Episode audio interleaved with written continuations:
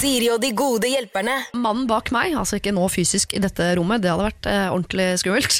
Det er min deilige lokfører av et eh, menneske. Lokfører er ikke noe mystisk kode for noe som helst. Min mann, han er lokfører. Altså, han kjører tog. Er en staut type, og jeg husker eh, da vi ble sammen for eh, ja, hva er det begynt å bli nå da, 11 15 år siden eller sånn, eh, så tok vi en fot i bakken på dette med sjalusi. Eh, han spurte meg er du sjalu, og jeg sa mm, nei, tre-fire kanskje på skalaen. Uh, hvordan er det med deg? Så han sa nei, jeg er kanskje sånn sju. Så skulle det vise seg da i årene som kom at det var vel heller omvendt. Det var nok mer jeg som var en sjuer og han som var en tre-fire. Og hvorfor det blir sånn, det vet jeg ikke. Kanskje, øh, hvis jeg skal se på det fra min side, kanskje jeg er god til å få mannen til å føle seg trygg. Altså at han ikke trenger å være sjalu. Eh, kanskje noe av grunnen var at vi bor i hans hjemby, lite sted, så kan jo herren flytte meg ikke gå inn på Kiwi uten å tenke at han har ligget med alle i fruktdisken, på en måte. Eh, men jeg var sjalu i begynnelsen, eh, de første årene, og mest sånn fortidssjalu. Hvem har du vært på, hvor har du vært, hva følte du for henne? Når du sier de tingene til meg, har du følt dette før? Jeg hadde en ekstremt behov for å føle meg unik. Så øh, gikk jo tida, vi fikk barn, og plutselig hadde jeg gjort ting med han som ingen andre hadde gjort med han. Jeg hadde på en måte øh, vunnet øh, kampen om lokføreren, hvis det noen gang har vært en Jeg tror ikke det har vært en stor kamp, altså, men jeg vant det allikevel. Eh, og så tenkte jeg på det her forrige helg, fordi da hadde jeg først, eh, først vært på fest en lørdag, sovet over i Oslo på hotell og sånn. Alt lå til rette for at hvis man var en utro type, så kunne det fort ha skjedd der. Helgen etter var det hans tur. Eh, han dro på julebord med eh, lokførerne og sov på hotell i Oslo. Alt lå til rette for eh, utroskap hvis man var av den typen. Men nervøsiteten min har på en måte gått bort. Eh, både fordi jeg er flink til å, å, vise han her er det ikke noe å være nervøs over. Jeg ringer han alltid FaceTime fra hotellrom og sånn. Og, og, og det er ikke den der at jeg ikke bryr meg lenger. Jeg bare, jeg, jeg bare tenker at det ikke kommer til å skje. Så jeg er ikke så nervøs på det. Og så kommer lokføreren hjem fra denne festen og kan fortelle at han ble sjekka opp dagen før. Og da, da kjenner jeg det litt, grann. litt grann i magen. Men så viser det seg da at det er en mann som har prøvd å sjekke han opp. Eh, og sagt sånn åh, jeg nekter å tro at du er så gammel og du ser så godt ut. Og hadde, eh, hvis ikke det var for at du var hetero, altså sånn ordentlig. Ikke noe sånn uh, slu undergrunnssjekking, men sånn straight on forward-sjekking. Og da syns jeg det bare var uh, utrolig hyggelig, og grunnen til at uh, jeg klarer å synes at det er hyggelig mer hvis jeg har sagt sånn Nei, det er en ny uh, kvinnelig lokfører på jobben, som syns at jeg var utrolig deilig. Da hadde jeg kjent det. Det hadde jeg overhodet ikke likt. Som jo er dumt, for det er jo egentlig bare hyggelig at folk går rundt og syns at min mann er deilig. Jeg burde egentlig kose meg med det. Og da var det perfekt at det var en mann som syntes at min mann er deilig. For der, enn så lenge, eh, tenker jeg at eh, det ikke er noe spesiell konkurranse. Det skulle overraske meg stort hvis det viste seg at eh, min mann på en måte også spilte på det laget. Jeg tror ikke han gjør det. Så derfor så ønsker jeg det hjertelig velkomment. Mer komplimenter, takk, fra menn. Til min mann. Da følte jeg det var et kompliment til meg også. Se hva jeg har fått, se hva jeg har funnet. Og det var ikke noe trøbbel i sjalusisenteret. Perfekt, rett og slett. Siri og de gode hjelperne. Mitt navn er Siri Kristiansen, og enn så lenge sitter jeg her alene. Adam og Tore er straks eh, på plass, men før de kommer, så tenkte jeg vi skulle rette blikket litt bakover. Jeg fikk nemlig en eh, mail i uh, sommer fra en jente på 16 år. Da kalte hun seg Usikker jente 16 år. Det hun var usikker eh, på, var altså det å skulle begynne på videregående skole. Hun skulle begynne på en videregående skole som lå et stykke unna der hun bodde, og selv om hun kjente noen som skulle begynne der, så kom hennes nærmeste venner til å begynne på andre skoler som lå nærmere hennes hjemsted. Og hun eh, gruet seg altså så sinnssykt at hun begynte å gråte hver gang hun tenkte på skolen, og var usikker på hva hun skulle gjøre. Jeg eh, spurte dagens gode hjelpere om hva de mente var eh, riktig å gjøre her, og det var eh, på dette tidspunkt Ken Vasenius Nilsen og Maria Stavang, bedre kjent som Pia-tid. Skal få høre noen av rådene de ga. Jeg var akkurat lik. Jeg valgte å gå på en skole som lå litt lenger unna enn alle andre, og så begynte jeg i en klasse hvor jeg ikke kjente en sjel. Ja. Og det går fint. Det går kjempefint. Hvor lang tid tar det før det går fint? Eh, fra jeg spør hei, kan jeg låne en penn hos deg, for jeg var jo dum nok til å glemme pennalet mitt første dag på skolen. Eller smart nok? Eller smart nok. Ikke ta med deg pennal eller mat eller klær på første dag.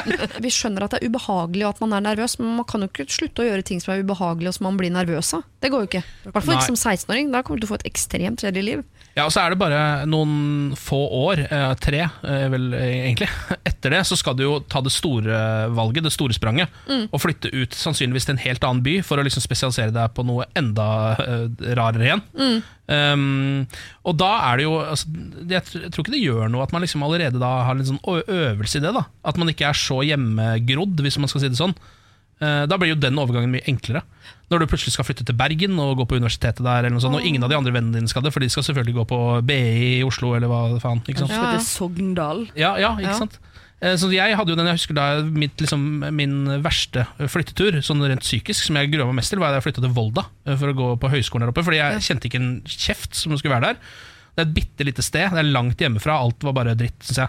Men det er de beste årene jeg har hatt. liksom Ja, ja, ja, Det ser altså- man bare ikke komme. Så lenge du vet at dette er et veiskille, at du antageligvis får deg masse nye gode venner, at du antageligvis kommer til å fortsette å ha de vennene du har fra før, at det ubehaget i starten antageligvis kommer til å gå over ganske fort, og gjør det ikke det, så har du selvfølgelig alle muligheter til å kjøre full retrett. Så jeg syns ikke du skal eh, Jeg synes ikke du skal grue deg for mye, for det hjelper liksom ikke å grue seg. Det er typisk mammating å si. Eller som jeg sier til barna mine, det er ikke farlig å være redd. Det er ubehagelig, det er ikke farlig. Du må bare gjøre det. Begynne på skolen. Og eh, har det gått noen dager uten at du har med egen penn, så er jeg helt sikker på at du har fått deg Og uten bukse, så er jeg helt sikker på at du har fått deg masse nye venner. Det var noen av rådene vi fikk fra Ken Vasenius Nilsen og Maria Stavang. Hvis du vil høre hele, så må du altså laste ned eh, podkast fra 12. august. Jeg har fått ny mail fra denne usikre jenta på eh, 16 år som skriver Hei!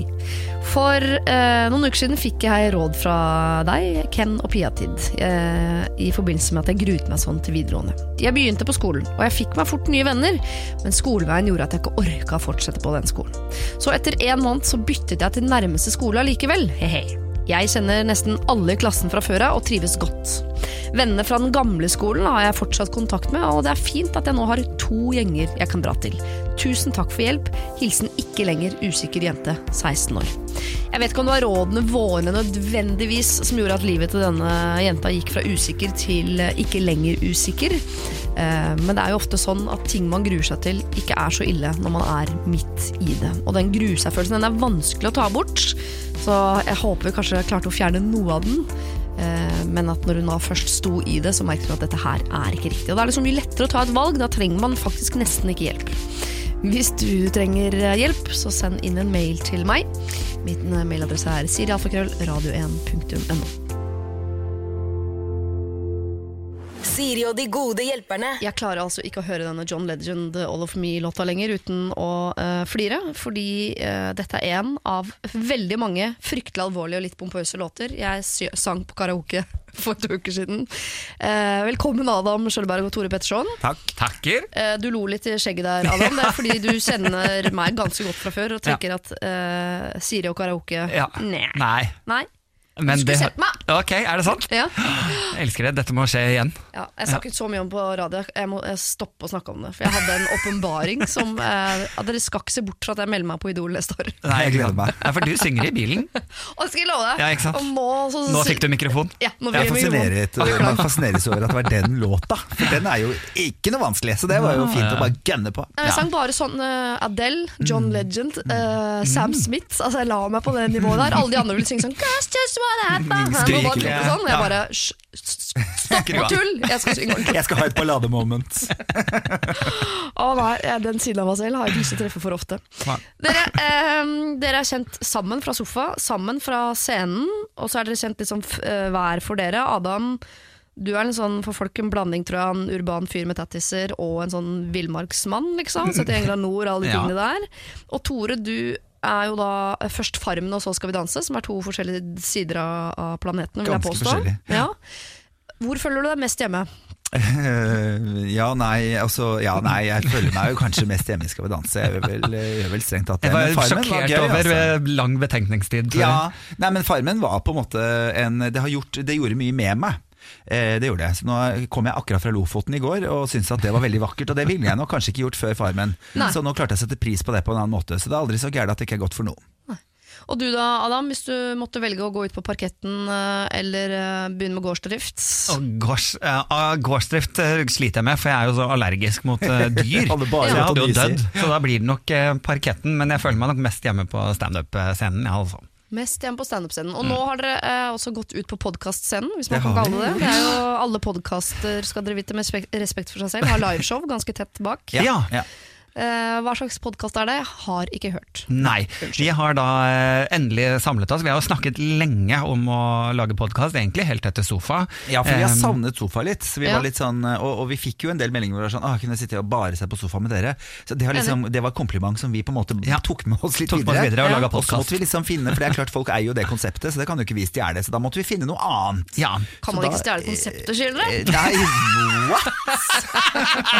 Det er nytt for meg.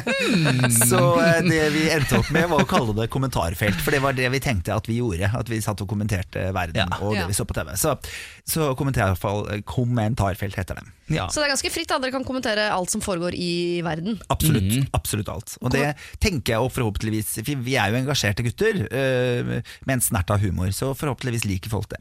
Ja, Og det vet vi jo at folk gjør. Det er vi vel ikke i tvil om. Jeg prøvde å være ydmyk. Ja, ja, det kler deg greit. Deg greit. Du holder på med greiene der. Nå er vi seila inn på listene, Ja, ja, topplistene. ja, det er vi litt stolte av faktisk. Altså, Ja. Tenk deg det. Podcast. Det er jo sikkert fordi vi er helt nye, og nå er det, Ja vi er dem som blir hørt. Nei, nei, Med fakta. Men, men, men, men, men det er veldig veldig hyggelig at folk gidder å høre på oss i det hele tatt. Det setter jeg veldig veldig pris på. Og det er gøyere å gjøre noe når noen gidder å høre på. Jeg er ikke i tvil om at folk liker dere. Det jeg er nysgjerrig på med dere i dag, er hvordan det moralske kompasset deres eh, er. Fordi vi skal gjennom altså, så mye løgn og bedrag de neste timene. Det er helt tydelig at det nærmer seg jul og julebord. Folk altså, driver med så mye rart der ute. Eh, så det uh, tenker jeg at vi skal bli bedre kjent med de neste timene. Gleder meg. Siri og de gode hjelperne. Søndager fra to på Radio Og 1. jeg er så heldig i dag å ha med meg eh, Tora og Adam. Dere er to av de eh, norske kjendisene jeg liksom ikke bruker etternavn på. Burde kanskje si Tore kan Petterson. Jo, men eh, også, det skal sies at det er klart Vi er jo homo, da. Ja. Eh, og, og, og homseikonene som Madonna og Cher. På Mm. en måte, altså, det er jo litt deilig. Jeg syns det er litt deilig at vi har blitt Adam og Tore Ja. uten etternavn. Jeg, jeg syns det. Oi, oi. Jeg tar en liten feiring på det. Ja, ja. Adam og Tore. Apropos dette med homofili. Vi har fått inn ganske mange mail denne uka her, for jeg har jo sagt på radio at det er det som skulle komme, fra unge frustrerte homofile menn. Eh, Jeg valgte ut ett eh, fra en som vil eh, kalle seg for Jakob, og dette er nok et problem jeg tror de fleste opplever, uansett om man er panfil eller hvilken legning man nå tilhører. For han skriver jeg er en ung mann i 20-åra, kall meg Jakob. Jeg har en kjæreste, kall han Stian. Familien min liker han godt, og vi bor sammen. Problemet er, i sommer møtte jeg en annen jevngammel fyr på fest. Kall han Markus. Jeg snakka mye med Markus på den festen, og ble kjent med han, og skjønte at han var homofil, noe som igjen gjorde at jeg ga han litt ekstra oppmerksomhet. Vi har hengt sammen mange ganger i etterkant, og vi har også ligget sammen flere ganger. Så nå har jeg begynt å få litt følelse for Markus, men jeg tror ikke han føler det samme tilbake. Men jeg har aldri vært så forelska i noen før som denne nye flammen. Så elsker jeg kjæresten min nå, da, men jeg har ikke klart å slå meg til ro med han. Så skal jeg fortelle kjæresten min om hva jeg har gjort, da kommer jo han til å slå opp. Eh, Det bare vet jeg. Men i bunn og grunn har jeg jo veldig dårlig samvittighet, og jeg vil jo ikke fortsette å såre han heller. Han fortjener bedre enn dette. Så hva gjør jeg da? Skal jeg selv slå opp med kjæresten, da jeg ikke klarer å slå meg til ro, eller skal jeg eh, la han eh, slå opp med meg? Hjelp. Hilsen herr Dobbeltliv. Eller Markus, da, som vi kaller. Nei, altså Jakob. Altså, Jakob, det her er snakk om moralsk kompass på avveie. Ja. Eh, Det, dette var jo litt sånn all over the place. Jeg var litt eh, sjokkert. Det var så mange navn plutselig inne i bildet her. Men eh, Ja, altså, uh, får jeg lov å starte? Eh, jeg er litt Det er for seint, for det har Adam allerede gjort. Ja, ikke sant? Jo, nei, altså, jeg er jo, jeg syns jo dette er forferdelig, og jeg har jo alltid sagt at eh, hvis kjærestene mine er utro mot meg, bare fortell de at de skal dumpe meg med en eneste gang. Uh, Det der med å forelske seg, det er jo testen i forhold uh, hele tiden, fordi man møter nye mennesker hele tiden. Kjærlighet og kjæresteforhold handler ikke om å være nyforelska hver eneste dag. Så, så jeg vil jo si at eh, det beste du gjør, er jo å dumpe eh, den kjæresten du er sammen med, fordi han fortjener bedre. Det er det dette handler om. Ja. Du har andre ting du kan gå ut med, men det at man skal drive og bedra folk, syns jeg er forferdelig eh, urettferdig og en utrolig vond greie for de. Ja. Og da er det bedre at de helt uten å vite noe sier dette, dette funker ikke for meg. Du klarer ikke å slå deg til ro der, og det å være glad i noen, det er ikke grunn god nok til å såre dem. Syns jeg. Men det er jo veldig populært nå med liksom åpne forhold, så det er jo klart han kan jo prøve seg på en sånn approach, da, hvis de ønsker å være et sånt forhold som har flere partnere, og at det er ok, for det er tydeligvis veldig i vinden, da. det er Men, men, Men, eh, Det kunne vært greit å spørre først, da, eller? Før man, Før man begynner å forsyne seg Da tror jeg man liksom. skulle ha spurt først, så jeg skal være kort prosess her og si at jeg er ganske enig med Tore. At eh, her bør du jo bare enten Altså nei, du bør gå hjem og gjøre det slutt. Men hvis han går hjem eh, og gjør det slutt med sin kjæreste, Mm. er han da fristilt fra det ansvaret det er å fortelle om hva han har gjort? Eller altså, skal, man, Ja, skal vi skal man- skåne Stian her fra utroskapen og bare gjøre det slutt på? Ja, ja, ja. Må, det er bare sårende. Eh, Ja. Det, er bare, det er bare sårende. Og jeg tenker at I det øyeblikket du gjør det slutt, så ligger tanken der om at det kan være en annen allikevel. Eh, men da er det på en måte det man har gjort, det har man gjort, og det, det får man jo ikke ta tilbake igjen. Men det å drive og fortsette å lure dem, det syns jeg er forferdelig forferdelig, forferdelig dårlig gjort. Så eh, for å være kul mot Stian, som er sånn som meg, da, mm. som ønsker et forhold med én person og ikke dele det med flere, så, så syns jeg at ikke fortsett å såre han, ikke gå lenger inn i dette, fordi han kommer til å bli mer og mer glad i deg. Og, og det er klart at den, der, den nye spenningen er jo alltid gøyere. Det er det det er. sånn at Hvis du fortsetter på denne greia her nå, så kommer du til å bli sammen med én person, og så kommer du til å finne en annen på en fest som er kjempesjarmerende. For det er jo det vi venner oss til når vi driver av sex med nye mennesker hele tiden. Ja. At sex er, er lik eh, spenning. Og, og det er, er det ikke. Så enten så er du et menneske som ønsker å være i forhold, så er du ikke det. Og der syns jeg det er veldig viktig at du er åpen på det, sånn at du kan finne en annen person som er enig i at det skal være eh, være åpne og, og kunne ha andre. For jeg hadde blitt, og blir hver gang, veldig veldig lei meg. Men da sier jo du at du er sånn som Stian, det vet du ikke. Altså Hvis Markus nå eh, Nei, altså hvis Jakob nå vet at eh, det uansett antageligvis blir slutt, enten jeg gjør det eller jeg forteller han det og blir dumpa, Mm. så kan han jo ta sjansen på å fortelle Jeg har møtt en som heter Markus, han er veldig veldig spennende. Og antageligvis blir han dumpet, eller så kan han jo der eh, nettopp finne ut det at, at eh, Stian han er en fyr som godtar sånt. Han. Han kan få, i- eh, kanskje han kan få i pose og sekk, sånn som du f- foreslo av han. Kanskje han er en fyr som er villig til å dele. Kan, det kan være. Det høres jo ikke sånn ut, det var derfor jeg sa det. det Ja. hører, han, han sier jo han kommer til å dumpe meg, det vet jeg. Ikke sant? Så Dette er jo tydeligvis en samtale de har hatt tidligere, om at jeg er ikke interessert i åpne forhold. Jeg er ikke, jeg ville aldri vært med på, på denne greia her. Ja. Og da tenker jeg, hvorfor skal du såre han? Fordi det er veldig sårende. Eh, og det er veldig vondt. Og for å la han få lov å slippe fri og finne noen som han fortjener, så må han få lov å, å gå ut. Og noen ganger er det å gjøre andre mennesker vondt det beste man kan gjøre. Så dere Må- er helt enige om at uh, dere ikke skal si noen ting om Markus til Stian? Jeg tenker, Må han si noe i det hele tatt? Han må jo gjøre det slutt. Det er jo greit, ikke bare plutselig forsvinne og aldri komme tilbake igjen. på en måte. Nei, Jeg tenkte han trenger ikke si noe i det hele tatt. Han kan bare fortsette sånn. Fortsette å leve dobbeltliv? Ja, går han det òg? Det går, folk driver jo med det. De gjør jo det. de gjør det. Ja. Jeg syns det er veldig respektløst. Nei, stakkars Stian. Ta også eh, be Dump Stian, verdt, ikke si noe. Nei. Og så får du heller bare finne en annen. Neste gang så får du gå inn i et forhold, så får du si dette er det jeg ønsker, tydeligvis. Og så håper dere at Markus gjør det samme mot Jakob, ikke sant? Ja. så han får smake sin egen medisin. Ser det i øynene deres. Det hadde jo vært Ja, altså litt bitter er det lov å være. Og så håper jeg at jeg stikker på byen en dag og møter Stian. Det hadde vært koselig. Ja, Stian høres ut som en hyggelig fyr. Ja. Du, staker deg, herr dobbeltliv, eller Jakob som du vil kalles. Her er det mye baller i lufta på en gang, eh, og du er nødt til å kvitte deg med noen av de. Og det er jo da Stian, som jo eh, i denne lille novellesamlingen høres ut som den beste fyren, eh, dessverre. Men han har du altså da sagt fra deg. Du må gjøre det slutt med Stian, og så må du fortsette på den eh, veien du er i ferd med å gå nedover, hvor du ligger rundt og har masse følelser og treffer nye folk osv. Så, videre. så får du kose deg der, så kan det nok hende at du en dag angrer på akkurat det. Men det riktige å gjøre nå er altså å dumpe Stian, og ikke si noe om hvorfor. Siri og de gode hjelperne. Adam, er du ulykkesfull? Jeg? Ja. Nei. Jeg har mye flaks. Ja, han har det, men apropos fugl.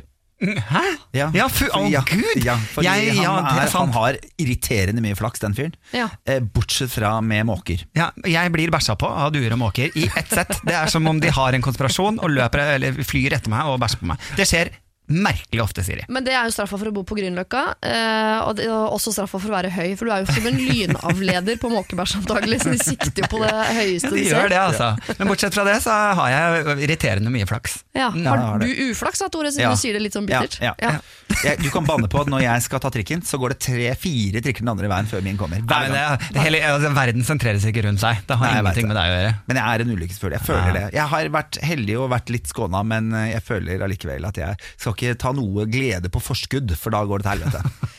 Da kan du få uh, gå opp i båten sammen med uh, ulykkesfuglen vi nå skal uh, treffe. Hun kaller seg selv for ulykkesfugl. Jeg tror nok heller hun er litt grann vimsete og bitte litt grann, eh, klønete.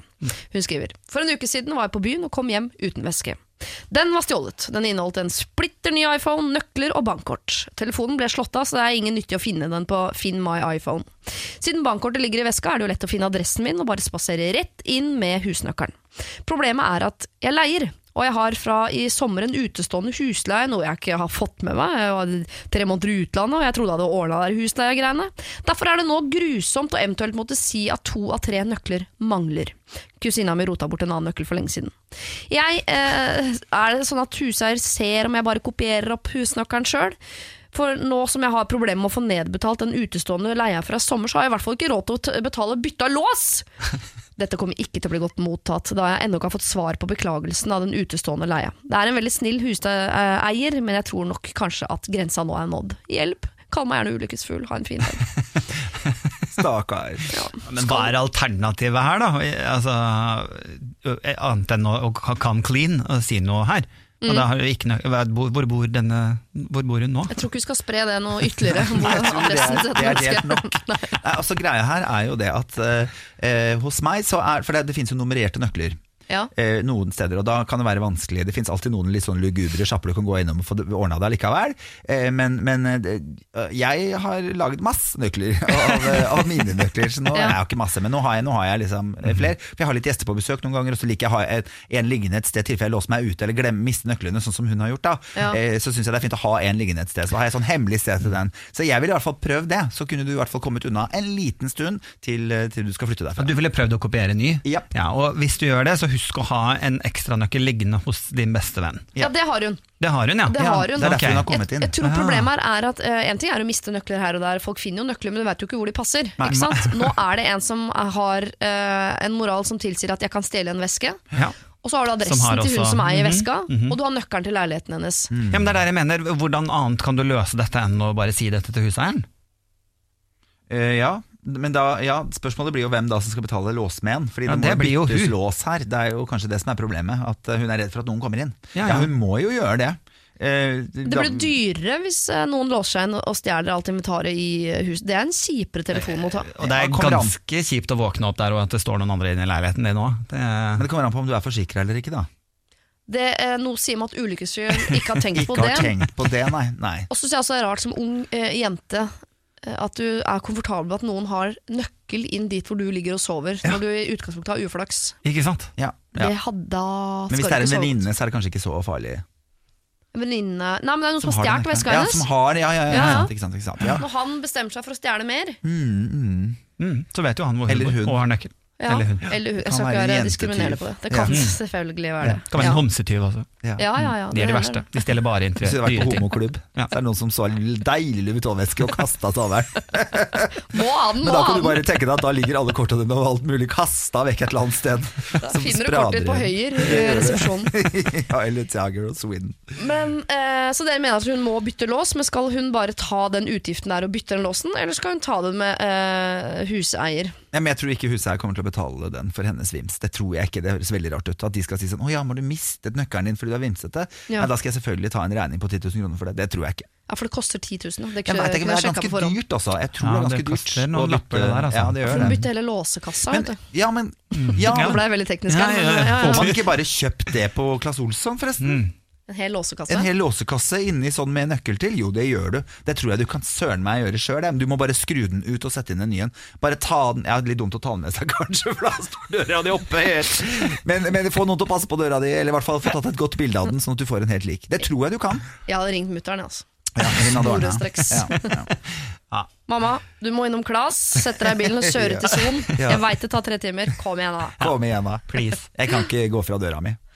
Nei. Men vi er vel i hvert fall enige, kjære ulykkesfugl. Du kan ikke eh, ha en tyv som reker rundt gatelangs i byen der du bor, med Nei, er adressen din og nøkkelen til leiligheten din. Nei. Altså, det er, eh, tenk på kroppen din, og tenk på interiøret ditt, og interiøret til han du bor hos. Og det, hele tatt, det går ikke. Den går utgiften må du bare ta. Ja. For å ringe mora di eller faren din, eller Så For du eh, begynne å være ansvarlig fra nå av. ja, ta deg sammen litt. grann. Altså, det, er, det er veldig deilig å si at man er ulykkesfull, for da er man liksom alltid uskyldig, men det er noe med å ikke sette Det fra er seg den noen ganger man er veldig, veldig full òg. Ja, det hender. Så slu, ikke slutt med det, men uh, pass litt bedre på veska neste gang. Uh, og i dette tilfellet så fikk du en, ikke en bot, men en slags bot, for nå må du betale både dobbel husleie, og du må betale for låssmed. Siri og de gode hjelperne. Og nå dere, skal vi hjelpe en som heter uh, Hanne, som er i en livssituasjon som egentlig høres veldig hyggelig ut, men så er det jo alltid et men.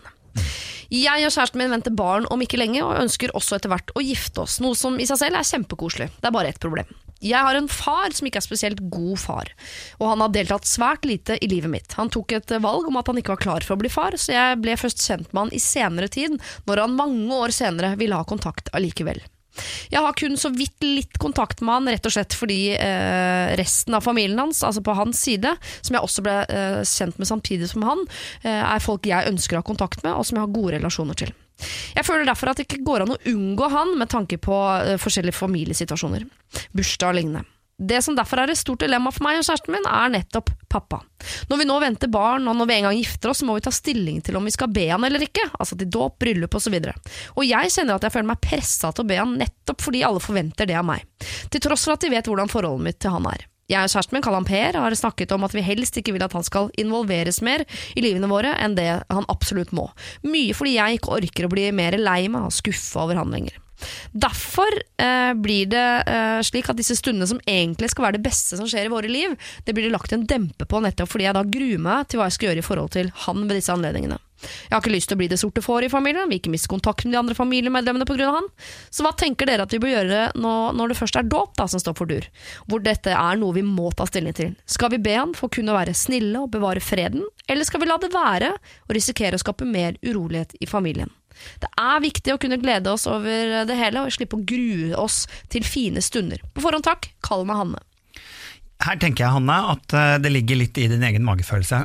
Man er nødt til å ta noen egne valg på eh, hvor, sitt eget følelsesregister. Om man skal holde på de følelsene som er vonde, eller om man skal la være å holde på de vonde følelsene og heller se fremover her.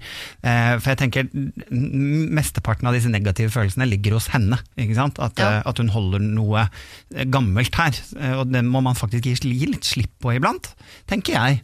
Eh, og invitere Jeg tenker invitere han. Slippe fortiden? Man må bare, slippe ja. den fortiden litt, og det, det valget ligger hos henne. Ja, jeg syns eh, dette er for forferdelige folk hun driver og henger rundt. Hvorfor skal du ha disse menneskene i, i livet ditt hvis de vet at den forholdet de to har er veldig turbulent. Ja. At det blir dårlig stemning, at hun gang på gang blir skuffa. At ikke de da som liker henne og setter pris på henne, klarer å se hennes side av det, syns jeg er helt forferdelig. Så jeg tenker til syvende og sist så kommer dette sikkert til å skje andre steder eller tider i livet ditt òg, hvor ja. du tar valg hvor de ikke er med. Tenker Kvitt deg med dem en eneste gang. Og, og så si nei til far og hele ja, hans eh, side det. av familien. Jeg syns det. Jeg Hvis han gang på gang skuffer, så syns jeg på en måte at det er veldig rart at de forventer at hun skal måtte ha noe med han å gjøre, fordi de ikke har det samme forholdet. Han har skuffet kjempemasse, og de er ikke så glad i deg, setter ikke så pris på deg, hvis eh, det er sånn at de syns det er helt unaturlig at du ikke ønsker noe kontakt med han. Nei, Det syns jeg er veldig rart.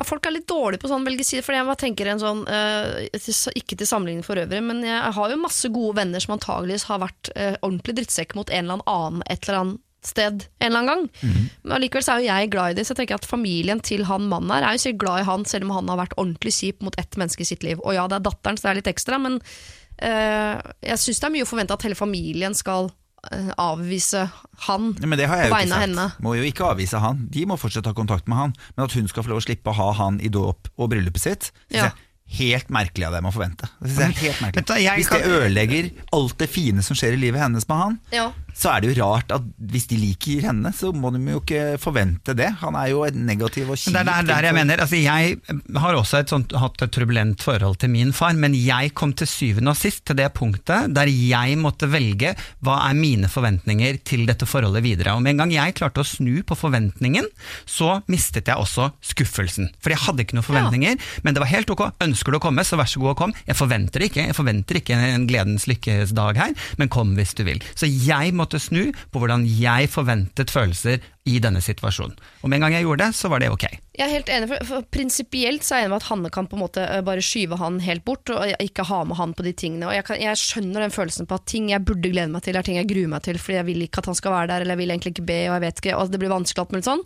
Men hvis man bytter ut den, den følelsen med bare eh, litt sånn raushet blanda med likegyldighet, sånn mm. jeg bare inviterer han, han kan være der samme for meg, han betyr ikke så mye for meg, ja, så hva jeg betyr for, for han er ikke så farlig. Det. det. er hun som må snu og slippe ting, slippe fortiden, så ja. må du snu din egen forventning tenker jeg da. Så hvis hun klarer å snu forventningen, så kan hun fortsette å invitere, men bare invitere til sånne ting sånn dåp, bryllup. Ja. Du trenger ikke å begynne med søndagsmiddager. Du trenger, ikke, du trenger, ikke, å gi så mye sånn Absolutt ikke. Han skal få jobbe, liksom, men ja. uh, bare invitere ham på linje med alle andre. Mm. Og vær klar over at uh, ikke ha masse forventninger inn, slipper å bli skuffa. Men man må klare det, da. Det er ikke alltid så lett, men for meg har det funka. Ja, Men tok det tid, eller var det sånn fra en dåp til et bryllup, liksom? Det tok, tok en 18 år. 18 år, ja. ja. Ok. Lykke til, Hanne. Så jula 2000, og den skal bli helt ålreit, skal du se. Hold ut, hold ut. Nei, men Hanne, her får du nesten uh, kjenne litt på det. Om uh, du klarer å legge bort forventningene, og dermed uh, kan legge bort skuffelsen, som Adam sier. Eh, eller om du heller bare skal legge forventningene over på hans familie, og nærmest kreve at de skal forstå at hvis ikke du vil ha noe med han å gjøre, så må de støtte deg i det. Men da, er du nok, eh, da må du nok liksom konfrontere dem med det. Jeg tror ikke du skal forvente at de forstår det av seg sjøl. Da må du sette deg med, ned med kanskje det viktigste av dem, og forklare dem hvorfor du ikke ønsker å ha din far i dåp, bryllup osv., på samme måte som du nå har forklart det til oss. Siri og de gode hjelperne. Mail oss på siri at radio1.no. Eh, vi skal til julebordsproblematikk, men i den noe yngre garde. For her er det en som heter Tiril som skriver. Hei, Siri og de gode hjelperne. Det nærmer seg jul, og det er tid for julebord for mange. Det, de jeg henger med i klassen, altså ca. seks stykker, har bestemt seg for å ha et julebord. Og når vi skulle finne dato, var det jeg som måtte bestemme den, siden jeg hadde vært så opptatt tidligere, og eh, jeg klarte ikke å si at jeg egentlig ikke ville være med på noe julebord. Det er jo hyggelig at de vil ha meg med, men her kom problemet. Jeg har kjent de øh, veldig lenge, men det de ikke vet om meg, er at jeg drikker ikke. Og det er ikke helt min greie å gå ut på byen og feste til langt på natt. Og det er akkurat sånn dette julebordet kommer til å bli, ettersom disse jentene elsker å drikke alkohol og gå ut på byen etterpå. Jeg har jo allerede klart å si at jeg kommer, men jeg har egentlig ikke lyst til å være med i det hele tatt, så hva gjør jeg da? Skal jeg late som jeg er syk når dagen kommer, eller være hun kjipe som må melde avbud fordi jeg ikke vil gå ut på byen? Råd og hjelp tas imot med takk, kall meg gjerne Tiril. Hvorfor må man være surfis fordi man ikke drikker? Ja, Det er veldig rart, det greiene der. Det der har ingenting med alkohol. Det er så mange som sier til meg jeg kan ha det like gøy på, uten alkohol som det du kan med. Så sier jeg prove it! Oi. For de sitter som sånne surmugger borti hjørnet der og lager dårlig stemning for alle de andre. Men de koser seg. Mener? Men vi kjeder oss fordi de er der. Eh, her tenker jeg jo at eh, Tenker du at Tiril skal gjøre dem en tjeneste ved å ikke komme i det hele tatt? ja, men jeg tenker jo liksom sånn Det fins mange grunner til at man kan gå fra en fest. Mm. Eh, man kan si 'jeg tror jeg er gravid', det er kanskje litt dumt eh, i denne settingen her. Man kan kjøre bil hvis man gjør det. Eh, eller man, fordi man må hente pappa seinere. Altså, det går alltid an å ta en liten Det sånn er det jeg tenker. Du kan være med på festen selv om du ikke drikker. Ja, og så kan du si 'jeg er ikke helt i form, så jeg vil ikke drikke'. Og det syns jeg, øh, sånne type ting, liksom å bare si sånn 'jeg, jeg, orker, ikke, jeg orker ikke i dag'. Hvis hun, er- det er veldig rart at hun har kjent disse menneskene lenge og sagt at hun ikke drikker. Det Nei, høres vet du hva? Jeg, leste, jeg la til en Eller jeg hoppet over et ord. Et Å, ja. ganske viktig ord. Det er Et veldig kort og lite ord, men det er essensielt i en del setninger. Og det er okay. ordet 'ikke'. Ja. Ikke kjent i lenge. Nei. Hun har ikke kjent Ikke kjent Så da blir jo setningen motsatt. Så hun har ikke sagt at hun ikke har drukket, nei. Jeg Nei. tror nok de har kjent lunta, men jeg tror nok at de gleder seg til å endelig se hun full. Det er derfor de vil ha med, for hun er så boring. Så de tenker sånn, Å, tenk så gøy om hun bare kaster seg på fylla, så kan vi, hun bli skikkelig gal og gøy. Liksom. Å ja, nei, hun drikker ikke i tillegg, nei. Skal vi se. Det er kjedelig. Jeg mener at det går helt fint an å dra på en middag, kanskje, for det høres ut som dette blir en middag før byen, um, og bare si at jeg har skranta litt, eller jeg orker ikke, orker ikke å drikke, jeg er sliten, jeg har mye greier som skjer i livet mitt, uh, så jeg kommer ikke til å drikke, men jeg har veldig lyst til å være på middagen, og så drar du når det begynner å bli gøy for de andre. Men hvorfor, hvis du skal ljuge om det nå, så må hun jo eh, fortsette å ljuge. Hver eneste gang det skjer noe, så er det en onkel som skal hentes, og så er jeg gravid, og så skal jeg kjøre bil. Hun skal kjøre, altså det er alltid, kan, hvis hun ikke drikker og ikke har tenkt å begynne å drikke, så kan jeg vel ikke si det nå. For de har ikke kjent hverandre lenge, men om fem år har de kjent hverandre Men er det tabu å si høyt at man ikke drikker? Ja, det er det jeg tok utgangspunkt i nå, da, siden hun eh, hadde det som dilemma. Ja, ja, det- det synes jeg var veldig hyggelig av deg. tanke Ja. er jo, du må jo si at du ikke drikker. Ikke sant? Men så må du også ha respekt nok for de at når du begynner å bli boring og de begynner å bli gøy, så kan du si da takker jeg for meg, men tusen takk for en fantastisk hyggelig kveld. Legger ikke noe imellom på hva du faktisk egentlig mener her. det skjønner vi jo. Men eh, jeg er helt enig. Bli med på middagen og ha det gøy. Sett noe godsida til. Da. Det høres ut som du sitter og surmuler før middagen har vært. Altså Bli nå med og ha det gøy, og trekk deg tilbake når de andre begynner å bli fulle og du syns det er For ubehagelig. de fleste skjønner at nattklubb er kjedelig når du er edru. Det Ja. syns jo alle. Ja, jeg jo. men jeg tror hun skal gi seg før nattklubb for det som jo kan skje. Og Jeg, jeg mener også at øh, det er typisk at man bare avfeier alt som er gøy fordi du forbinder det med alkohol, og da blir man sånn Alle som driver, er, er teite, og altså, man kan liksom kjenne igjen stemninga. Så Tiri, jeg syns du skal gå i denne middagen, og jeg syns du skal stå for prinsippene dine. Så jeg synes du skal si at jeg drikker ikke alkohol og, alkohol, og da blir ikke byen så gøy, men jeg gleder meg til middagen. Og så men det som er viktig for meg, som jeg bare har kjent på de gangene jeg øh, har vært på andre siden av dette bordet, er ikke lag så himla stort nummer ut av det. Nei. på en måte. Ikke jeg er Bare helt enig. i- det plager ikke meg at ikke du drikker. Ikke vær veganer, liksom. Ikke det også. Men gi deg, når du begynner å ha respekt for deg og vennene dine, så så bør man jo gi seg før man begynner å tenke den tanken som kommer. Ja. Herregud, så idioter vennene mine er. Ikke sant. For når man er edru, jeg har vært edru på fest, jeg òg, da syns ja. jeg alle vennene mine er komplett idioter. Ja. Og man må gå før de blir det, for det blir de på et eller annet tidspunkt. Det det. Gjerne ganske samtidig. Men det er også en stund der hvor det er kjempekoselig, og det er en god stund inn i en middag som er bare så trivelig, og samtalene flyr, og stemningen er god. Så jeg tenker liksom, bare si jeg drikker ikke, så jeg orker ikke, orker ikke fest, men jeg, jeg gleder meg skikkelig. Jeg Helt enig med deg. Ja, jeg drikker ikke, så på et eller annet tidspunkt så går jeg hjem. Ja. så gjør jeg ikke noe stort nummer ut av det. Nei, og bare gjør de klar over det på forhånd, sånn at de ikke får sjokk når en plutselig skal gå fra festen, for det er jo ikke Nå har hun allerede gjort et stort nummer ut av det. Ja. Ja, Så slipper hun at uh, Kaja og Turi og så er sånn Nei, ikke ga nå, da! Nå som er så gøy! Den der, liksom. Ikke vær kjedelig, ta deg en shot! Herregud, det orker man ikke. Nei. Gå før Turi og Kaja blir grusomme. Ja. Ta gjerne smygeren, det er lov med si på forhånd. Jeg gleder meg til middagen, men jeg drikker ikke, så på et eller annet tidspunkt så går jeg. Og Mm. når du da går, så tar du smygeren, eller sier takk for i dag, det har vært kjempehyggelig, uten å gjøre noe stort nummer ut av det, og før du syns at alle venninnene dine er idioter. For det blir de.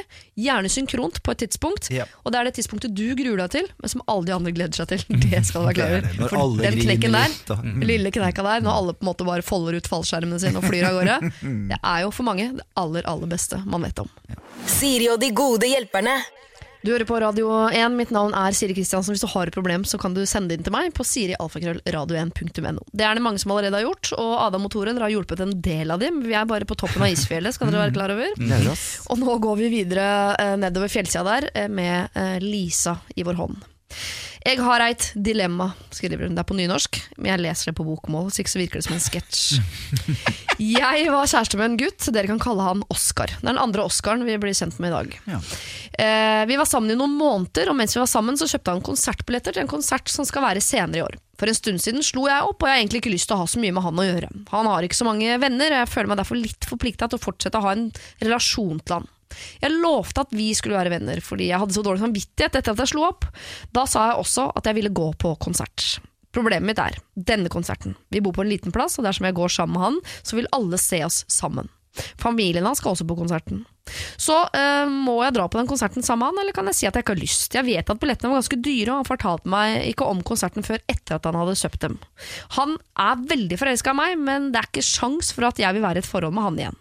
Jeg mistenker at han fortsatt har et håp om at vi skal bli sammen, og at, at han gjerne vil gå eh, videre med meg, da. Hadde satt veldig pris på konkrete tips eh, på hvordan jeg kan slippe å dra på denne konserten og ha en relasjon til han uten å knuse han ytterligere. Vi er forresten 20 år, kall meg gjerne Lisa. Lisa vil ikke på konsert, og hun trenger konkrete tips til hvordan hun kan slippe det uten å knuse han ytterligere. Stakkar Oskar. Stakkar Oskar. Ja. Ja. det er jo Oskar som må vernes litt her. Jeg er akkurat ferdig med å lese Det er slutt for andre gang. En Heter bok- boka det er slutt for andre gang, eller har du lest den to ganger? Jeg har lest den to ganger. okay. Eh, Den handler om historier om løsrivelse, altså mennesker som valgte å gå fra et forhold. Ja. Alle syns så synd på den som satt igjen, ja. eh, mens eh, syns ofte den som, den som gikk fra forholdet kan være kalde og kyniske. Eh, men så spør de seg aldri hvor lang tid har den som har gått hatt det jævlig. Det er jo egentlig det som det, er det den boken handler om. Så den er ikke ute etter å ta noen, men, men der er det noe som heter hekta. Ja. Eh, som hun også har skrevet en egen hel bok om, Sissel Gran. Og eh, det er litt sånn farlig. Jeg har oppdaget med meg selv at jeg har blitt litt hekta. Jeg har eh, en eks som jeg har mye kontakt med, eh, og, og syns det er veldig hyggelig å ha kontakt med. Og jeg kan kjenne innimellom at jeg er litt hektet på han, fordi vi møtes innimellom. Det er kjempehyggelig.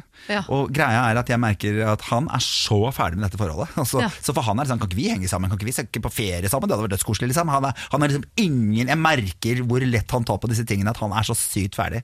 Men det han gjorde med meg, som var utrolig fair, var at han hele tiden var veldig klar på det. Vi møtes ikke for ofte. Vi tar altså. Han var veldig klar overfor meg om at dette Ja. er ferdig for meg hele tiden, sånn at jeg fikk lov å bearbeide den greia. Så jeg kom meg litt av den hekten, da.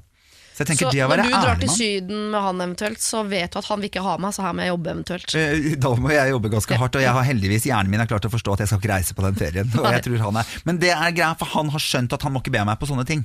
Og det Nei. er så bra. Jeg syns det er så respektfullt av han at han hele tiden, når jeg er dritings, slenger meg over han og prøver meg nok en gang, så sier han Tore, dette her vil du ikke. Jeg, vil, jeg er redd for at du skal bli mer såra. Jeg er redd for at du fordi, at, fordi for meg er dette helt uaktuelt. Og det syns jeg har vært så Jeg setter så pris på det i ettertid at han var så real med meg og sa det. At jeg vil ikke hekte deg, da han sa det ikke med de ordene, men jeg vil ikke at du skal bli helt hekta på meg ved at jeg gir deg litt, men ikke alt. Så Men det var, dette må Lisa si. Ja, jeg lurer, jeg jeg vet ikke. på det. Det var en nydelig novellesamling du burde gi ut, som ikke hjalp Ja. Lisa i det hele tatt. Men uh, jeg det tenker jo at dette her, da. Det er jo han som er du skal dilemma. ikke gå på den konserten. Det Nei. skal du ikke gjøre. Eh, absolutt ikke, tenker jeg. Her er det bare å komme seg For å skåne seg, eller han? For å skåne seg. Drit i han, det er slutt. ja. Altså, jo, nei, men jeg skjønner ikke hvorfor skal hun drive og Nei, dette skjønner jeg ingenting av. Og hele familien han skal også? Nei. Ja. Kom deg videre, kom deg ut. Han får solgt den billetten til noen som faktisk har lyst til å være med. Si beklager, det kan jeg ikke være med på, det har jeg ikke noe lyst til. Det føles feil for meg. Dessverre. Men de har lov, hun har lovt at de skal være venner, og venner kan vel gå på konsert sammen? Ja, Men, det jeg- har man lov til å trekke tilbake. Ja, absolutt. Du har lov å trekke det tilbake, du har lov til å forandre den kontrakten dere tydeligvis har forhandlet. Så, eh, Men da må hun knuse han ytterligere, for da sier hun først den ene dagen sånn 'jeg vil ikke være kjæresten din lenger', vi Men kan være venner. skal- ja, og så må hun si sånn 'jeg vil ikke være vennen din heller', ja. Den dagen hun skal gifte seg, da skal hun heller ikke knuse Oskar igjen da? Skal hun bære dette med seg for alt? Hvis hun møter en ny en, da? Ja. Også, men jeg kan På ikke knuse på, Nei, for jeg tenker Han kommer jo til å bli dumpa gang på gang på gang på gang hvis eh, dere skal fortsette å ha dette vennskapet. Venn med kjæreste er alltid bullshit. Det må du aldri finne på å Venn bli. med ekskjæreste. Eh, Med, med en ekskjæreste, mener jeg. Det bare, det bare går ikke. Fordi at På et eller annet tidspunkt så vil det komme opp i en situasjon hvor en av dere blir såret. av I hvert fall hvis en av de har, fremdeles har, har eh, Følelser. følelser. Sånn at noen ganger er clean Clean brudd. Det at man skal rydde opp, man skal fjerne fra Facebook, fjerne fra Instagram. Fjerne sånn at han slipper å sitte og se på livet, at du lever livet videre. Ja. Og, og vær fair nok overfor han, sånn at La han få kan komme til å seg gå. videre. Ja. Ja. Du må la han få muligheten til å gå videre i livet sitt, eh, Lisa. Han er, om han ikke allerede, så kommer han til å bli hekta på deg hvis du fortsetter å gå på konsert og fortsetter å være venn og fortsetter å være hyggelig. Så kommer han til å gå rundt med en forhåpning om at det blir dere. Jeg er ikke enig i at det ikke er mulig å være venn med en eks, men da skal i hvert fall begge være helt ferdige med hverandre. Absolutt. Og det er ikke Jakob med deg nå, Lisa. Er det ikke? Oscar. Eh, var det ikke Oscar? Men det har, blitt, det har vært mye Jakob og Oscar i dag, så jeg blander det. Og alle navnene er jo fiktive uansett, så jeg kan, jeg kan kalle han Men Jakob er eh, homo. Ja, nå kommer jeg bare på Stian, som også er et navn jeg har brukt. Ja. Per har vi brukt. Alt er brukt. Eh, Lisa, som ikke du heter heller, men det er det du vil at vi skal kalle deg. Eh, du skal ikke på konsert med Oskar. Nei. Skal ikke på konsert med Per eller noen av de andre heller, så vidt jeg veit. Eh, og han kommer til å bli ytterligere knust, men heller at han blir ytterligere litt knust nå, eller at han blir det gang på gang på gang på gang. Hvor du blir med ham på ting fordi han tror at dere er venner, og så vil du egentlig bare noe helt annet. Siri og de gode hjelperne. Søndager fra to på Radio 1. Det neste problemet her har jeg kalt for Mia og Jens vil ligge sammen. Litt.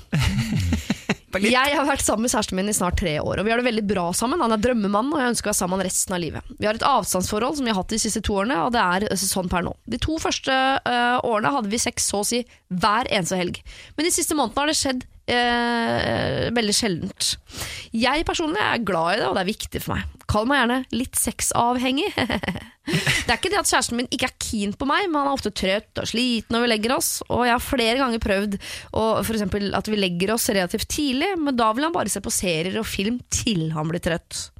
Jeg har hørt at det er vanlig at sexlivet dabber av gjennom åra, men jeg trodde ikke at det skulle skje så fort. Jeg har tidligere tatt dette opp med han, hvorfor han ikke vil ha sex sånn som før, og dette har ført til at han har fått litt avsmak på en, å måtte ha sex, og han har følt at det er en viss tvang, noe som ikke gjorde han noe mer keen, for å si det sånn. Så, er det jeg som må roe meg litt grann ned, eller hva skal jeg gjøre? Kall oss gjerne Mia og Jens. Her tenker jeg det handler om taktikk, jeg, Tore. Dette her eh, er jo et velkjent problem i dine forhold, at du slutter å ha sex. Men jeg eh, personlig kjenner meg igjen litt i den derre eh, Og det, dette har vi snakket om, dette er vi enige om, den forventningen til at nå skal vi ha sex. Da Ja. har ikke jeg lyst lenger. Nei. Og der er vi nok litt like. Der er vi like. Det syns jeg ikke er sexy. Så handler det om, eh, hvis jeg får lov å si det fra mine tidligere forhold Jeg føler på en måte Å ja, sex vil du ha med meg, men du vil ikke snakke med meg, du vil ikke høre hvordan jeg har det. Det Ja. handler ofte om kommunikasjon. Jo, men det handler om kommunikasjon. Jeg ønsker at de skal være glad i å elske hele meg. Og, og når man legger seg ned da og ser en serie eller liksom jeg vet ikke, Noen ganger så trenger man å bli tilfredsstilt på litt andre områder. Og hvis dere er mennesker som ikke snakker politikk, ikke har spesielt interesse for musikk, ikke liksom, så, så blir jo på en måte forholdet litt vanskelig få videre. Da må dere jo begynne på eh, Nå bare tar jeg noe, for jeg vet at du syns det er teit, men tangokurs. Finn noe da som dere Som dere kan ha felles interesse for. Ja. For jeg kan få litt sånn Å ja, du skal ligge med meg og ligge med meg og ligge med meg. Og jeg, noen ganger bare, jeg, bare har innmari lyst til at de skal se meg og være engasjert Men den og høre følelsen blir ekstra sterk hvis du har et overheng av en forventning til at skal vi ikke ha sex nå? Hvis det, det, det er det eneste, nå, nå gikk vi og la oss tidlig, det betyr at jeg må ha sex. Altså Den der overhenget med forventning til sex, det ødelegger så mye. Ja, det er litt turnoff, Det faktisk. er så turnoff. Så her, Men jeg, det samtidig er det, der iPaden i senga, jeg bare tenker at uh, Heimebane er en god serie, men det er ikke det beste vorspielet. Det er det ikke. Nei. Man blir ikke kjempekåt av det. Jeg gjør, ikke- jeg gjør ikke det. Eh, så de må jo, jeg er enig om ikke tango, liksom. eh, så et eller annet Jo, som ikke er tango, og ikke Netflix, da. Nei, nei. Finne på et eller eh, annet, liksom. noe man kan ha felles, sånn at det setter i gang en sånn der, et ønske om å snakke sammen, om å være sammen. For det er noen forhold som bare ender i at man bare er i samme rom sammen. Ja. Og er det noe som skrur av meg, så er det det. At det er liksom Når du ser på meg, når du er interessert i å gi meg oppmerksomhet, så er det bare fordi du har lyst til å ligge med meg. Ikke sant. Så fort vi er ferdig, skal du sette på den filmen igjen. Så yeah. Men Så da, vi jeg er tenker, tilbake bytt, på den sjokolade og blomster, egentlig. Ja, eller bytt taktikk, da. Vis interesse på, for noe annet Mm. enn den sexen, så plutselig så får jeg selvtillit, og da blir jeg tent. Så Ja, for å si 'kan vi ikke ha mer sex', så kan du si 'kan vi ikke finne på litt mer'? Kan vi, kan vi Kan vi gjøre, gjøre ting noe sammen, gøy? vi to, Ja. Om det er golf eller tango eller eh, altså, Veldig til tango, nå- Nei, men eh, golf, jeg vet da søren hva folk holder på med. liksom. Karaoke. Hva- Karaoke. Ja, men gjør noe sånn at man har en felles greie. Bowling, da. Men kommer ikke Jens til å skjønne hva Mia driver med? Sånn, 'Å ja, tangokurs, ja, for at vi skal ligge sammen, da, eller?' Altså, Derfor så må du bevise for han at du ikke ikke gjør det for det, men for at dere skal komme nærmere hverandre. Det må jo være det det handler om. Jeg snakka med en fyr det var gøy, eh, eh, som var så sur. For han sier 'jeg gjør alt, vet du. Alt du har sagt. Jeg kjøper blomster, jeg rydder i gangen i skoa, for det liker jeg. Jeg setter inn i oppvaskmaskinen og kjøper blomster. Blir ikke noe mer på meg. Så sier jeg ok. Her er scenarioet. Du har vært på jobben, du har krangla med to stykker. Første møte du hadde vært en skikkelig drittdag, det er dårlig vær ute. Lunsjen på jobben var drit, og du, du har en sånn tung dag, og du gleder deg bare. Nå skal jeg bare, kommer jeg egentlig bare lyst til at denne dagen skal være over. Så kommer du inn i gangen, så ser du at alle skoa er satt på plass, og bare åh, faen. Ikke sant? det som- Og så, kommer, og så har den satt inn i oppvaskmaskinen, og kjøpt blomster, skjønner jeg mener. Det bare Mm. lyser mot deg hva som ønskes her. Det er jo en forferdelig belastning. Altså Du belaster et menneske uten å nevne sex engang. Og når du kommer hjem, og da ønsker du jo bare at det mennesket skal si eh, Tøff dag i dag, liksom. Vil du ha et glass vin? Skal vi bare, vil du prate om det? Vil du, hva, hva har du lyst til? Bare, Jeg åpner opp alle tingene. Åh, Jens vil bare bli sett av Mia. Han ønsker jo bare å bli Jeg vil se Han for meg det. biff, liksom, At han som ønsker å være med. Her er vi, ja, sånn Ex on the beach. eh, Jeg er så pen, folk vil bare ligge med meg. Stakkars meg. Ja. Ja. Dette er jo, eh, og det er, så, det er jo sånn det har blitt, men dette er jo litt snudd på hodet. For Hadde denne mailen kommet fra Jens, og var Mia som ikke ville ligge, så tror jeg hadde skjønt mye tidligere hva som var problemet. Men fordi eh, jeg er en mann fra 50-tallet oppi hodet mitt, så tok det litt tid før jeg skjønte hva som var problemet her. Eh, Mia og Jens vil bare bli sett, og han vil ikke ha bare små påminnelser om at du egentlig vil sette tenna inn. Så å sko, uh, snu alle skoa med tuppene inn, for eksempel, det er det samme som å henge opp en plakat i gangen. 'Jeg vil ligge'. Ja. Så du må være ganske subtil her, og du må gi ham masse oppmerksomhet på andre ting. Kanskje du må, som du skriver selv, roe deg litt ned en periode. Ikke mase på sex, men prøv bare å bruke tid, snakke, se, føle, og så får se om det også for han. Ikke ligg med han! Dette er regel fra meg.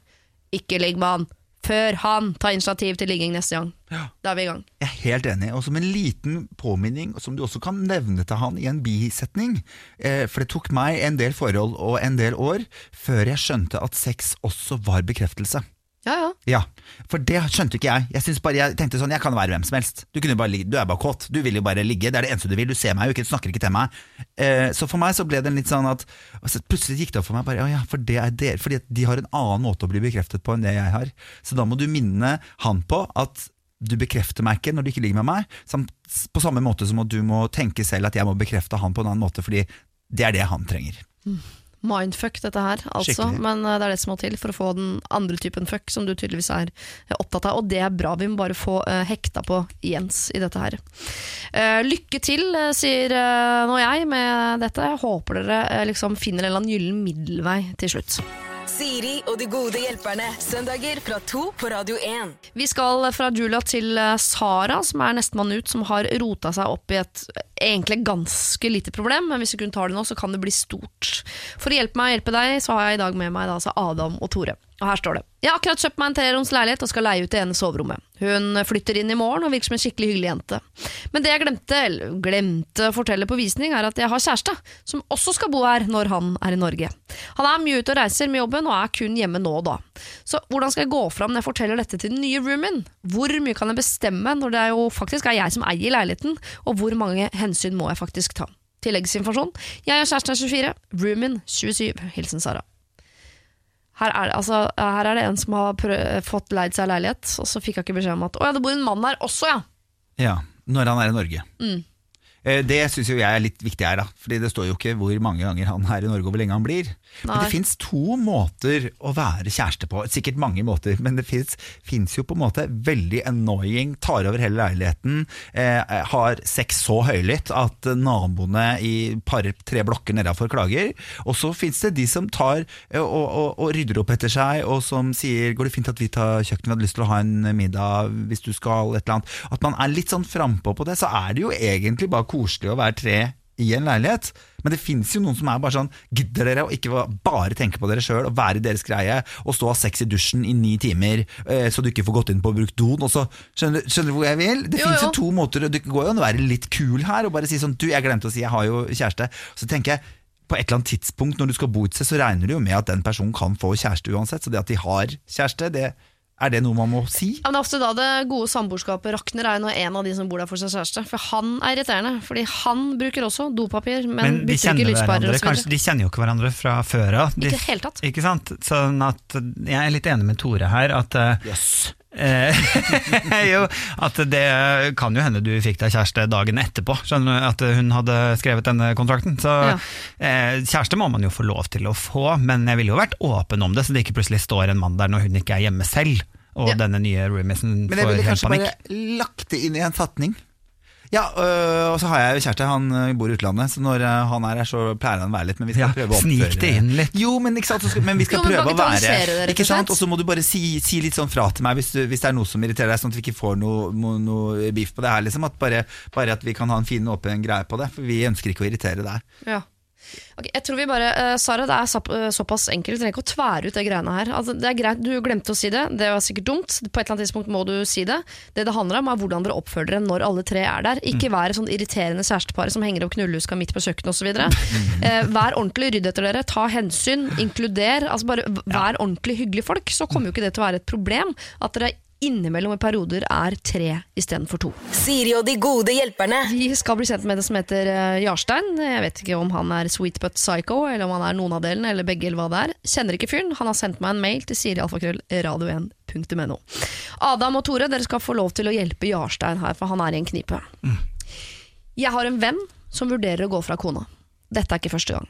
De er litt sånn, rett og slett. Så jeg tar det ikke så veldig alvorlig. Samtidig så er jeg jo litt lei av at det hver tredje måned brenner på dass. Heldigvis bor vi på hver vår kant av landet, så jeg er ikke midt oppe det hver gang. Men denne gangen har han altså da for andre gang ferska kona si i å ligge med en fyr på byen. Hun har som sagt gjort det før, men det har han også. Så de har tilgitt hverandre tidligere. Denne gangen sier han at nok er nok. Men jeg hører at han ikke mener det. De finner alltid tilbake til hverandre, og det er kanskje fint. Problemet, som inkluderer meg her, er at jeg vet om enda et tilfelle der hun ikke har ligget, men hatt en flørt gående. Hun vet ikke at jeg vet, men denne mannen er en fjern kollega av meg. Jeg har valgt å ikke si noe fordi det var uskyldig flørting, samt at jeg ikke orka å bli involvert. Men det viser jo et mønster her, da. Så skal jeg involvere meg denne gangen, fortelle og kanskje gjøre at han denne gangen gjør alvor av den evige trusselen om å forlate kona. Eller skal jeg la dem finne tilbake til hverandre igjen og igjen og igjen. Jarstein. Dette har jo ikke Jarstein noe med. Man sitter på informasjon som kan være med å tippe et uh, lass i en retning. Altså, jeg vet ikke hvorfor du gleda deg så mye til dette. Jeg satt nesten og gjespa litt. Ja, jeg, jeg var sånn, ja, men sånne ting det trekker jeg meg ut av med en eneste gang. Jeg vil ikke ha noe med det å gjøre. Og jeg er sånn som ikke Det koster ikke meg en krone å si høyt med en gang de begynner å snakke med meg om sånne problemer. Så sier jeg, Dette her vil jeg ikke ha noe med å gjøre. Jeg, ikke involvere meg. Nei. Så enkel er jeg. Og hvis du da sitter på tilleggsinformasjon som er, kan stoppe den uh, plappera en gang for alle, så gir du ikke den heller. Du bare uh, Helt ut. Ja. Ok. Ja. Så hvis du vet om Jo, hvis, du, eh, hvis eh, Tore hadde vært lykkelig forelsket med en annen mann som du visste at var utro, så ville du ikke sagt det, for du ikke ha noe med det Jo, å gjøre? fordi hvis det var et engangstilfelle, og denne situasjonen har vi til og med vært oppi, så, så selvfølgelig, da ville jeg gjort det. Min beste venn, alt dette her, det ville jeg gjort. Men hvis det er 12., 13., 14., 20. gangen dette her skjer, og de gang på gang finner tilbake til hverandre Jeg er en sånn person som kan gi absolutt gode råd, eh, men hvis du gang på gang tar det rådet, og jeg bruker tid på å tenke ut, og går og gjør det direkte motsatte, så er det slutt på de rådene. Jeg hører på Dere som sender en mail hit til Serial det, Hvis ikke gjør som Adam sier, så gidder han ikke å komme tilbake og være gjest. Prøv å legge dere litt i selene for å gjøre det Adam sier. Vær så snill. Nei, men Da vil jeg ikke bli involvert lenger. Nei. Liksom, altså, hvis det er 20. gangen, skjønner du. Det er bare Ja. sånn, da orker jeg. Jeg orker ikke. Nei. Nei. Hva syns du Jarstein skal gjøre her, Tore? Du, jeg, eh, de bor jo på hver sin side av landet. Jeg har jo, jeg har jo vært oppe i sånne situasjoner før, jeg. Og jeg tenker sånn, kan du ikke bare gå? Og jeg, er- der er jeg nok litt uh, lik Adam. Jeg, jeg prøver å eh, late som om jeg driter i det, men det er jeg selvfølgelig ikke, for jeg må komme med råd. Jeg har en sånn greie, jeg tror det er et syndrom, som Ja, det er jeg syndrom. må komme med råd, selv om jeg har lyst til å løpe og dra. Ja, det er helt merkelig. Men, men jeg merker på en måte at jeg eh, litt over tid kutter de ut. For jeg gidder ikke at de skal love og love og love. Og det jeg har brukt og sagt et par ganger, har vært at du er der når dere gjør opp, det er ikke jeg. Så du kan ikke først ringe til meg og snakke masse dritt om kjæresten din, og så skal jeg bare, uten å blunke, tilgi dette mennesket de tingene de har gjort etterpå. Jeg syns det er veldig vanskelig å forholde meg til. Jeg er ikke Ja. med på denne reisen, så vær så snill hold meg utenfor dette hvis det er sånn det skal være. Fordi jeg er en god venn, jeg er med å snakke dritt, jeg bare, vi hater dette mennesket og går ikke an, og jeg backer oppunder, og så plutselig bare, ja nei, vi er sammen igjen uka etterpå. Jeg, jeg var ikke der. Jeg. Fikk ikke være med på unnskyldningen og griningen og alle disse tingene. Jeg har ikke noe følelse for noen av disse menneskene. Si bare enten så gjør du det, eller så gjør du det ikke. Men, men jeg, da får du ringe noen andre neste gang. Fordi at nå har jeg gitt deg råd, og vi har vært enige mange mange ganger, og det har ikke skjedd. Nei. Så Jarstein har, har her muligheten til å bare trekke seg helt ut av dette problemet. Hvis han er, eh, fordi han er helt tydelig lei av at de eh, går fra hverandre og blir sammen. Går fra hverandre og blir sammen. Han er lei av hele pakka. Og da syns dere at eh, han kan trekke seg ut. Men skal han si det, eller skal han bare eh, slutte å ta telefonen? Eller skal neste gang uh, kameraten tyr til Jarstein si sånn Hold meg utenfor, jeg vil ikke være med på det. Jeg, Jeg er jo en sånn person si som er ja. direkte, så jeg sier jo det. Vet du hva, dette her orker jeg ikke mer. Jeg har ikke noe problem med det. Jeg skjønner at det kan være vanskelig. Det Ja. er ikke alle som er eh, så konfronterende som jeg kan være innimellom. Nei, men jeg, jeg, mist, jeg, jeg mister jo ikke kontakten med vennen min. Jeg har Nei. fortsatt kontakt med vennen min, men jeg sier nå har du sagt dette så mange ganger. Eh, det har vært så mye drit mellom dere to. Jeg fatter og begriper ikke at du blir. Så for meg er det vanskelig å være med på dette, denne leken lenger. Du gjør akkurat hva du vil, du får ringe meg, men da tenker jeg at hvis du trenger å snakke om akkurat dette her, ring en annen venn. Kan man bare begynne å ule som en ulv? Det er også lov å bjeffe. Skal ikke Jo, bjeffing. det er litt sånn ulv-ulv-historie som bare har hørt det før. Si fra når det, ikke sant? Jeg tror ikke på det her lenger. Dette sa du forrige gang, jeg orker ikke mer. Men samtidig, kanskje, jeg vet ikke om det er eh, forskjellig fra gutter til jenter, eller, men det er jo en del av det å være venn, er jo å sitte og være litt søppelkasse innimellom på ting fordi man er så frustrert på folk Ja, at man har ikke hørt det- hjemme, Jo, liksom. men ordet Kan her bli er full. innimellom. Altså, men ordet her er innimellom. Og, Ja. og du- kan ikke forvente at vennene dine skal være med på alle oppturene og nedturene i ditt forhold. Dette forholdet kommer til å bli slutt. Det er ingen spørsmål der. Dette kommer ikke til å ryddes opp. De kommer ikke plutselig til å begynne å oppføre seg. De har tydeligvis ingen respekt for hverandre, eh, og de kommer heller aldri til å få det. Så som en god venn, Sitt og vent på han, og vær der for han når han kommer ut på den andre sida. Men Ja. si 'jeg orker ikke å være med på reisen til du kommer dit'. Fordi det, det kommer ikke til å følge Det er ingen forhold i hele verden som har klart å fortsette hvis ikke du blir låst nede i kjelleren med kjetting til beinet, liksom, som får at de to menneskene kommer til å være sammen. Så bare gi han den spacen mens jeg orker ikke å være med på reisa. Hvis jeg skal høre på deg eh, baksnakke kona nå, så skal jeg se på når dere har makeup-sex igjen. Ikke sant? Film det. og Jeg elsker at du gikk dit, sier Det var innom noe ulv og noe greier, men, eh, ja.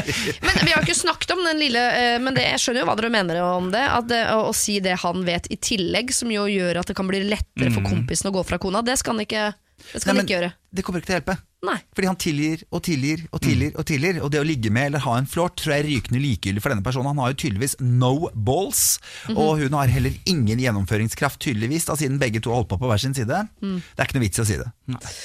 Jarstein, den slapp du billig unna. Du skal få slippe å levere den informasjonen du har. Du skal få slippe å høre på kompisen din snakke om dette i framtiden. Det eneste du ikke slipper, er å si ifra. Du må rett og slett neste gang dette blir et eh, problem, som du sier til kompisen din. Den reisen her orker ikke jeg å være med på, dessverre. Men Vi kan snakke om andre ting, og jeg er der på andre siden når du eh, kommer ut av det, hvis, hvis du gjør det noen gang. Men den reisen her, en gang til. Nei takk, jeg blir ikke med. Siri og de gode hjelperne. Mail oss på siri at radio1.no. Adam og Tore, dere er mine gode hjelpere her på Radio 1 i dag, og nå skal vi til et problem som Altså, jeg har vært borti varianter av de fleste problemer, men innimellom så kommer det problemer som slår meg i bakken, for dette har ikke vært borte lenger. Jeg har ikke gjort noe eh, ytterligere research på hvordan regelverket er, men her tror jeg vi også har et problem som, uh, hvor vi må innom Norges lover, rett og slett. Oi, Ikke så mye sånn venninnelover eller flaks at du da har eh, og- oss to i studio. Ja. Dette kan vi jo. Men uh, at noe er ulovlig her, det er jeg eh, ikke uh, i tvil om. Det står Hei, jeg er en jente på 19 år som har en søster som også er 19. Ja, vi er tvillinger. Eneggede, klin like. Hun har alltid visst hva hun vil bli, og hun kommer til å få det til. Vi har ikke samme planer for fremtiden, men begge begynner etter planen å studere neste høst. Hun har alltid vært veldig snill, pliktoppfyllende og ofrer seg for andre, blant annet meg. Vi er veldig tett, og jeg vet det er klisjé, men jeg tror vi er villige til å gjøre alt for hverandre. Men nå har hun tilbudt seg å gjøre noe for meg som jeg ikke vet om jeg kan ta imot. Vi har snakket om det, så vi trenger bare flere stemmer på dette før vi eventuelt bestemmer oss for hva vi gjør. Min store drøm er nemlig å bli politi, og jeg vet at det kan bli den perfekte politibetjent. Jeg har alle kvalifikasjoner, bortsett fra ett.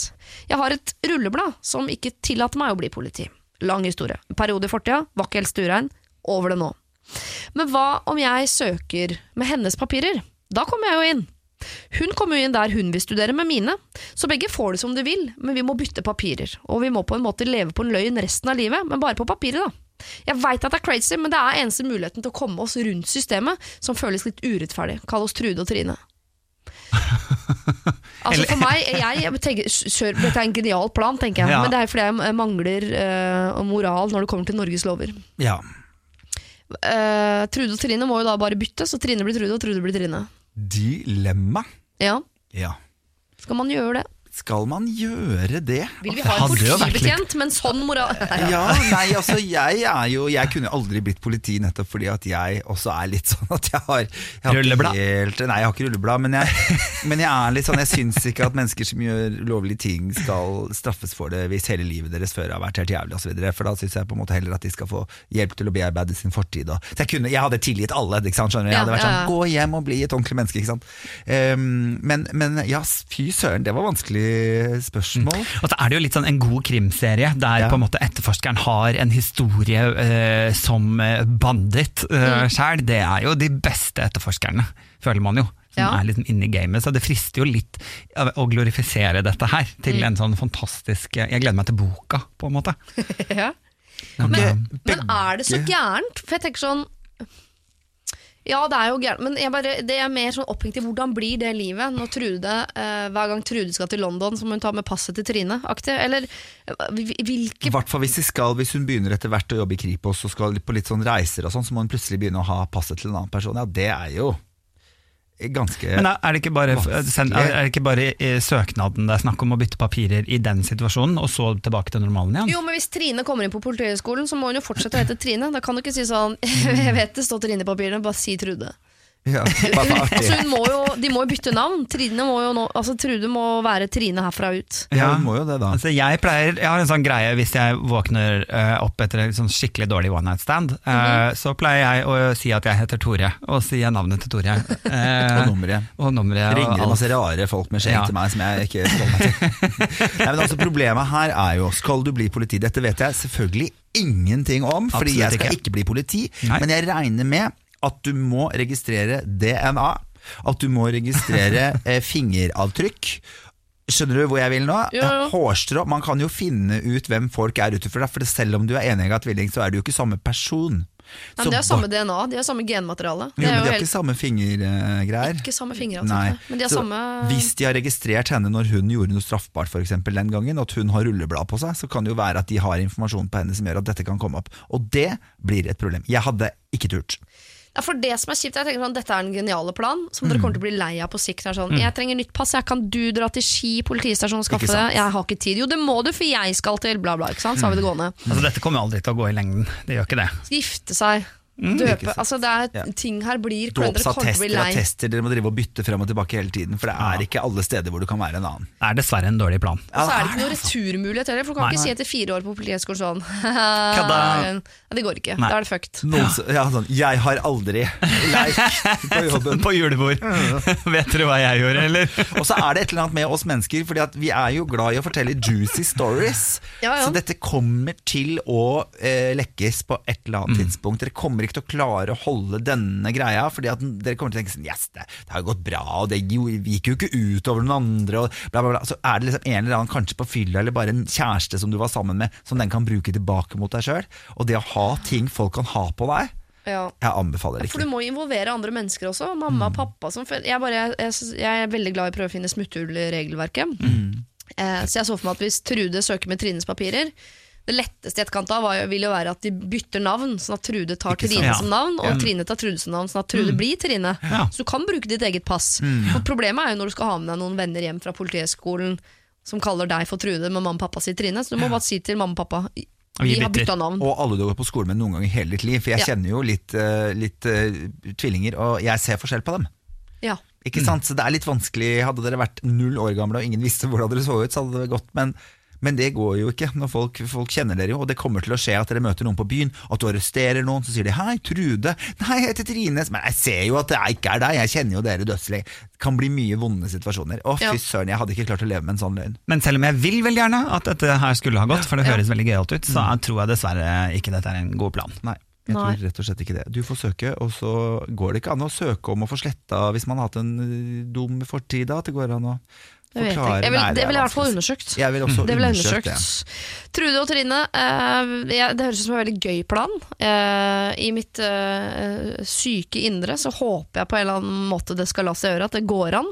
Men jeg tror, det blir sli jeg tror bare det blir slitsomt for dere å leve på den løgnen resten av livet. Det kommer til å være så mange situasjoner som blir vanskelige. Altså, på et eller annet tidspunkt angrer dere, og da er det litt dumt. Bitte litt grann dumt. Så kan nok hende at du må finne deg en plan B, som ikke er politi, men du kan jo Kanskje man kan bli Securitas? Er det en plan B for folk som Det er politi? på ingen måte. Det er det absolutt. Ikke bli det. Nei, men jeg kan annet. se for meg Det er jo Det må være noen som går på Politihøgskolen som har gjort noe dumt i løpet av livet sitt. Det er bare tull og tøys. Jeg kjenner kjenner en som gikk på Politihøgskolen, havna i bråk på byen, ble kasta ut. ja, ja, jo, jo, jo. Men Ja, hva hva du har gjort tidligere, på en måte?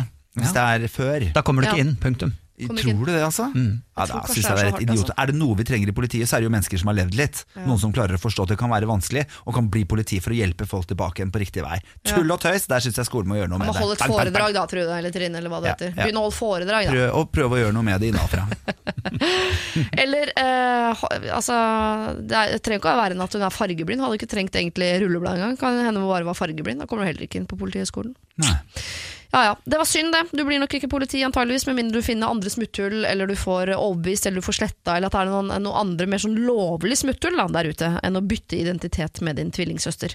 Dessverre. Siri og de gode hjelperne. Og det som gjenstår for oss dere, nå har vi fått sjekka det moralske kompasset. Vi har sjekka hva vi vet om Norges lover. Jeg har skjønt litt hva slags smak dere har i menn, hvordan dere er som venner og i det hele tatt. Det har vært en lærerik prosess, dette. Så flott. Eh, nå skal først jeg dele ut eh, noen handlenett, og så skal dere få lov til å dele ut hvert deres handlenett til slutt. Jeg vil dele ut til eh, ganske mange faktisk i dag. Jeg deler ut til Jakob, altså denne mannen som lever et dobbeltliv. Han er kjæreste med Stian, men eh, ligger med Markus, og vi har bedt han gjøre det slutt med Stian. Han skal få et handlenett.